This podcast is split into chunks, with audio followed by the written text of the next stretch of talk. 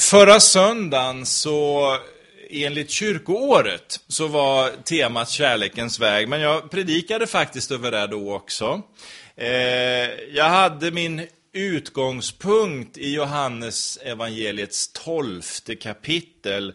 Där talar Jesus om vetekornet som ska falla i jorden och dö. Eh, det där rörde jag vid på, på två nivåer, för parallellt genom hela predikan hade jag också texten i, i Filipperbrevets andra kapitel som handlar om hur Jesus lämnade sin tron av kristall.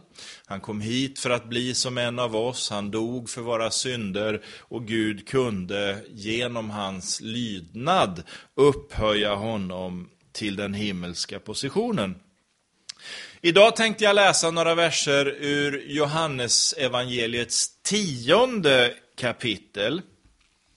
I kapitlet innan den eh, texten så läser vi hur Jesus har botat en blindfödd man. Det där skapade en oerhörd diskussion och debatt bland fariseerna. Och det mynnar ut i det tionde kapitlet där Jesus eh, inledningsvis säger att om någon tar sig in i fårfållan annat än genom honom, så är han en tjuv och rövare. Och så går vi fram till den nionde versen. Johannes evangelium kapitel 10, från vers 9 och fram.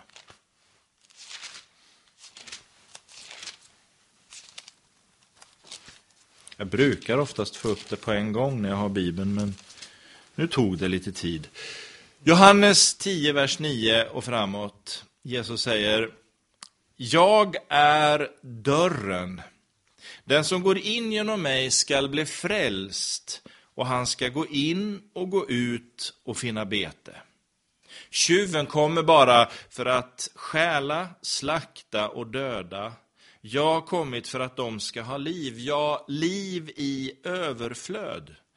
Jag är den gode herden, den gode herden ger sitt liv för fåren. Vi tackar dig, Jesus, för att du visar oss vägen, du leder oss framåt. Och nu ber vi att du ska leda oss när vi får eh, äta av det ord som du har gett oss. Låt det bli levande och verksamt genom din heliga Andes närvaro. Amen. Ja, ämnet är som du har hört den gode herden. Jag har i januari rört vid ett tema i ett antal predikningar. Eh, jag har talat om det här med att vara gripen av Jesus. Upptakten till det var ju när jag stod här uppe och, och, läste något gammalt protokoll som var hundra år gammalt och de hade en barnförening som hette Lammet. Och för att vara med i den barnföreningen så skulle man inte bara bekänna att Jesus är Herren, utan, och det var det som grep mitt hjärta så starkt, man skulle också vara viss om sitt barnaskap. Att veta jag är ett Guds barn. Eh, och kanske att bakgrunden till det också var lite det här att det är så många som går runt med någon form av bekännelse, men kanske inte riktigt har erövrat den här vetskapen om sitt barnaskap. Att jag tillhör faktiskt Jesus. Samhället som vi lever i, ja, tittar vi lite hur det ser ut idag, så skulle i alla fall jag vilja säga att mycket av det som vi har sett som något slags stabilt genom många år håller på att vittra sönder. Och jag tror, ni får ursäkta om jag är lite rätt fram, men jag tror att det är en Guds dom som går över Sverige dessa dagar. En dom som kommer utifrån att vårt land har lämnat en gudstro eh, för en massa avgudar. Vad jag menar när jag säger så är att vårt moderna samhälle till stor del faktiskt byggdes upp av väckelserörelsen på 1800-talets senare del. Det var många gudfruktiga kvinnor och män som på olika sätt hamnade i ledande positioner. Det var en stark andlig rörelse i vårt land. Människor gav sitt liv till Jesus, man blev befriade ifrån sitt alkoholmissbruk och mycket annat som präglade Sverige. Ett nytt land växte fram med rötterna i den evangeliska väckelsen, ett land som Gud på många sätt välsignade. Ja, jag säger så därför att vi har på sätt och vis varit förskonade från krigets faser i 200 år. Det gjorde att vårt land med sin trygghet kunde pumpa ut missionärer i, ett, i en omfattning som kanske inga andra länder någonsin har kunnat göra. Och vi kan tacka Gud för att evangeliet har gått ut över hela världen, bland annat härifrån Sverige. Och det tycker jag vi ska tacka Gud för. Men samtidigt så är det lite med Sverige som med Israel. Vi läser om Israel till exempel i profeten Hoseas bok. Och där står det att ju bättre det gick för landet, desto fler avgudar började man tillbe. Vi har också sett att Sverige i takt med välfärden också avkristnats på, genom åren. Förvisso det kommer en och annan väckelsevåg ibland, men eh, etablissemanget har obarmhärtigt drivit en utveckling åt ett annat håll. Vi har sett hur morgonbönen har tagits bort ifrån skolan. Vi har sett hur det kristna budskapet trängs bort ifrån det offentliga rummet slutet av 60-talet välde en omoral fram över vårt land eh, som en varböld som spricker. Och så ser vi att det offentliga Sverige vänder Gud ryggen allt mer medan församlingen har gjort så gott hon har kunnat för att hålla ställningarna. Men sekulariseringen har också brutit in i församlingen. Guds folk har blivit allt mer en spegelbild av världen och i takt med det har också församlingen dränerats på den gudomliga kraften. Att se på Sverige idag, det är som att läsa Romarbrevets första kapitel.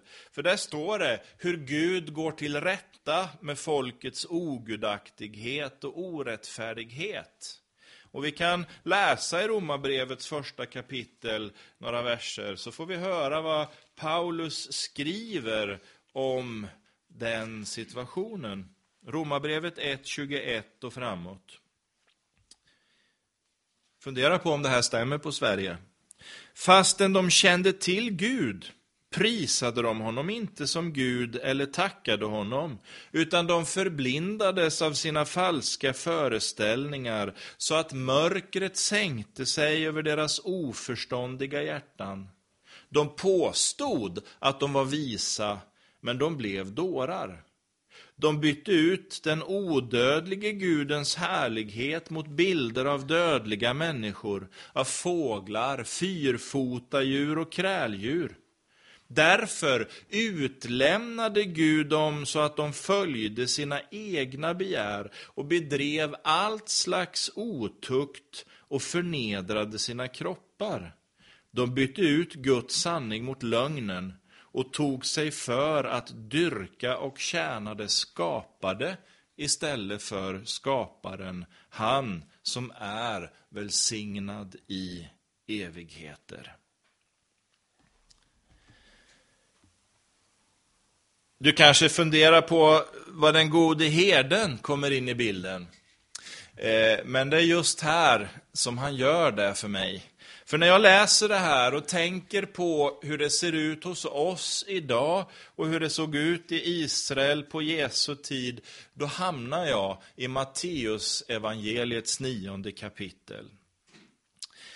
Vi kan inte tala om den här vreden som faktiskt Gud har inför synden, som om Gud på något sätt är en sadistisk Gud som njuter av att förgöra människor. Det är ju precis tvärtom. Gud är en kärleksfull Gud som i detta känner en så djup sorg och upplever en så djup smärta över mänsklighetens felaktiga vägval så att vi kanske inte riktigt ens kan förstå och förklara. I slutet av Matteus nionde kapitel läser vi hur Jesus gick runt i städer och byar och predikade evangeliet. Han talade om Guds vilja. Han botade de sjuka, han befriade de som var besatta. Och sen står det de där orden, att han förbarmade sig över folket eftersom de var som får utan herde. Jesus förbarmade sig över folket. Går man till den grekiska grundtexten och tittar ser man att ett närbesläktat ord är sympati. Men just i Matteus 9.36, som jag citerade, står ett annat ord. Ett ord som går djupare än sympatin. Helge Åkesson, en gammal grundtexttrogen eh, översättning, eh, han säger att Jesus ömkade sig över folket eftersom de försmäktade. De höll på att gå under. Och så är det då det där ordet i grekiskan för att Jesus förbarmade sig. Det talar om en intensiv och djup nöd i hans hjärta. När Jesus såg vilsenheten hos folket som irrade runt i sin synd, i ett liv utan Gud, så säger han att de är som får utan herde. Och han menar bland annat, de är sårbara för vilddjuren. Det finns ingen som skyddar dem och ger dem trygghet i en ond tillvaro. Så finns det ytterligare en text eller liknelse som Jesus använder för att beskriva den här saken. Och, och du hörde Torsten läsa den också i inledningen ifrån Lukas 15. Liknelsen om det förlorade fåret. Och nyckeln, eller en av nycklarna i den liknelsen, är ju detta att Jesus söker upp det förlorade. Han sitter inte och väntar på att det förlorade fåret i bästa fall kommer att hitta hem. Nej, han eh, ser att det är ett får som saknas. Han lämnar de 99 i den trygga fårfållan och så ger han sig ut för att söka reda på det som hade gått förlorat. Därför att detta enda förlorade får var så värdefullt i hans ögon. Och det menar jag, får vi inte glömma när vi observerar en värld som är i ett moraliskt fritt fall. I ett eh, närmast totalt förakt för Gud och för sanningen. Och det är lätt, som jag sa, att få det att, till att tro att Gud är en sadistisk och ond Gud som njuter av att straffa och tillrättavisa. Men så är det ju inte, det är fel. Tvärtom, det finns en djup nöd och en förtvivlan bakom det, större än vi någonsin kan föreställa oss. Och det är den basen som i alla fall jag väljer att möta texterna om den gode herden på. I Gamla Testamentet så finns det många texter om det. Och i Nya Testamentet återkommer också bildspråket om den gode herden. Och så, så, så ser vi i dagens text att Jesus ger sitt liv för fåren. Han offrar sig själv för dem som går förlorade. Och det menar jag får vi aldrig glömma när vi ser på nyheterna att Jesus gav sitt liv för oss. Det vittnar om Guds kärlek till oss, vare sig vi lever med en tro på honom eller inte. Alla människor är älskade av Gud utan undantag, alla människor är älskade av Herren. Och det är givetvis ett huvudstycke i vad församlingen har att ägna sig åt. Att berätta för människorna om denna obetvingliga kärlek. Den som gjorde att Gud själv tog straffet på sig. Det som jag och det som du egentligen skulle behöva betala inför Gud. Det valde han i sin godhet och barmhärtighet att själv lösa, för vi klarar inte av att göra rätt för oss inför Gud. För synden är så fruktansvärd. Syndens makt är så stor. Den är större än oss. Den är mycket större än oss människor. Men ordet evangelium, det betyder ju det glada budskapet. Och det är det som vi, vi vill tala om. Det finns ett utmätt straff för vår synd, men vi behöver inte betala det själva. Visst är det fantastiskt? Vi behöver inte stå till svars, för någon annan går in och gör det istället för oss. Han löser oss från synden. Därför säger Paulus att syndens lön är döden, men Guds gåva är evigt liv i Jesus Kristus. Guds gåva.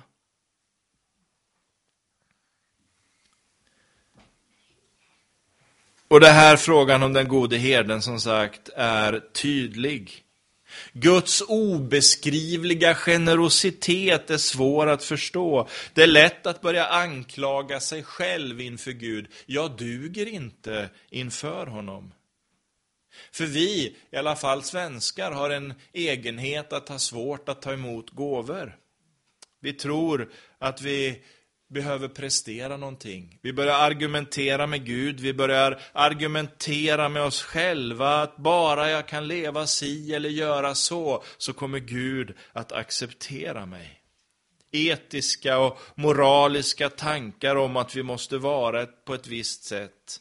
Vi tänker på prestationer, att göra si eller göra så för Guds acceptans. Bara jag slutar svära, bara jag slutar dricka sprit eller skvallra eller vad det nu än är vi tänker på som ett hinder för Gud att älska oss. Men vet du, Gud han älskar oss alla. I vår ofullkomlighet. För alla är vi ofullkomliga. Det är faktiskt inte bara jag som är det, utan också du är inför Gud ofullkomlig. Men trots det, hans kärlek kan vi inte ändra eller påverka vare sig vi anser oss vara goda eller mindre lyckade. För Gud, han säger genom profeten Hosea, jag vill älska dem av fri vilja.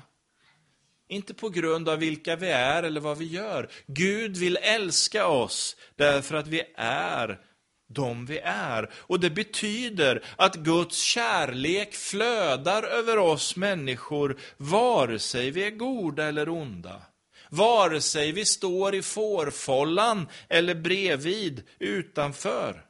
Guds kärlek gäller alla människor oavsett. Men det finns ändå ett litet men. För Gud, han älskar oss, det är ingen tveksamhet kring det. Men det betyder ju inte att alla människor per automatik kommer till himlen. Att alla människor blir frälsta. Och här finns det en liten, liten detalj i början av Johannes tionde kapitel.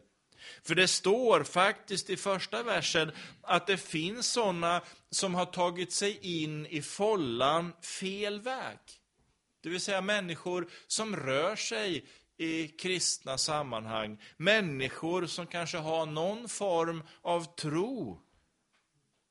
Men problemet är att de har inte gått genom Jesus. De har plankat in genom sin egen kraft.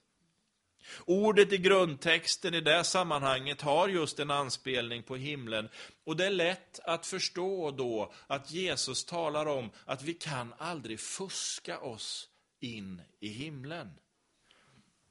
Det finns bara en väg dit och Jesus säger, det är han som är dörren till himlen. Så därför säger också Gud, om vi återvänder till Hosea, därför säger Gud till folket att de måste omvända sig. Deras synder, våra synder, är inget hinder för Gud att älska oss. Men våra synder är ett hinder för Gud att ha gemenskap med oss. Det är därför vi behöver omvända oss. Och därför profeterar Hosea också om den kommande frälsningen som Gud erbjuder i Jesus Kristus. Den gode herden som ger sitt liv för fåren, han som öppnar porten till den himmelska verkligheten. Och här kan jag tycka att det fuskas i en del sammanhang. Och kanske också i en del kristna sammanhang. Man menar att Guds kärlek, ja den är så stor att vi duger som vi är. Vi behöver ingen omvändelse. Men tänk vilken falsk lära det är. För omvändelsens nödvändighet är en sak som Gud aldrig någonsin prutar på.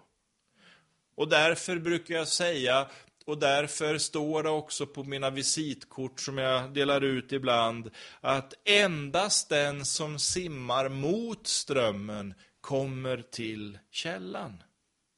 Vi måste omvända oss och gå i en ny riktning för att komma till himlen och fadershuset. Vi måste vända oss mot korset. Vi måste gå till Jesus som säger, det är jag som är dörren. Den som går in genom mig skall bli frälst. En tidigare ärkebiskop sa att det mest uteslutande och exkluderande bibelordet är att Jesus säger att det är han som är vägen, sanningen och livet och att ingen kommer till Fadern utom genom honom. Men jag tänker precis tvärtom.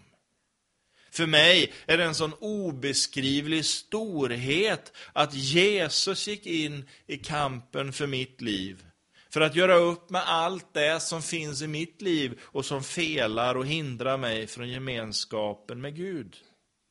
Och mina ord räcker inte till för att tala om att Gud inte begär något annat av mig än att jag älskar honom och vill vara tillsammans med honom. Och att den syndaskuld som finns i mitt liv, den får jag släppa greppet om. Den får jag lägga i Jesu händer och säga, det var för mina synder Jesus som du dog på korset. Tack för att du vill lösa mig ifrån det. Och så ser jag hur förlåten rämnade när Jesus gav upp andan på korset. Förhänget i templet brast. Vägen till det rum där Gud fanns på jorden, det öppnades för alla människor.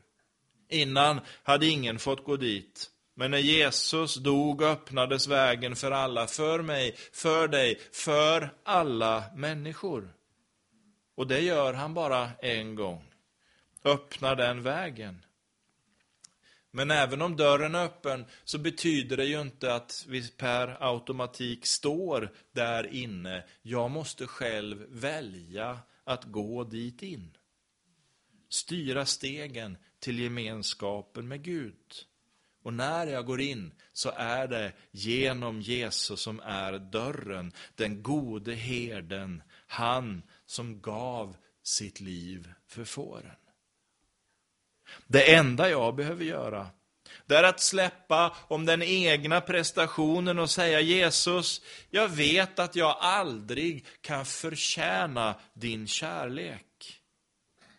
Men jag vet att den strömmar emot mig oavsett hur jag lever mitt liv. Jag vet att jag inte kan leva efter egen vilja om jag ska tillhöra dig. Och jag tackar dig för att du kom för att befria mig ifrån allt det som skiljer mig ifrån Gud. Och jag tror att ditt liv ytterst handlar om mitt liv, Jesus. Och att du dog för mina synder. Och även om jag inte förstår nådens djupaste innebörd, vill jag ändå lägga mitt liv, mina synder och mina misslyckanden på dig, Jesus. Tack för att du har burit min svaghet upp på korset. Du är inte bara min herde, Jesus. Du är min frälsare och Herre. Din är äran och makten i evighet. Amen.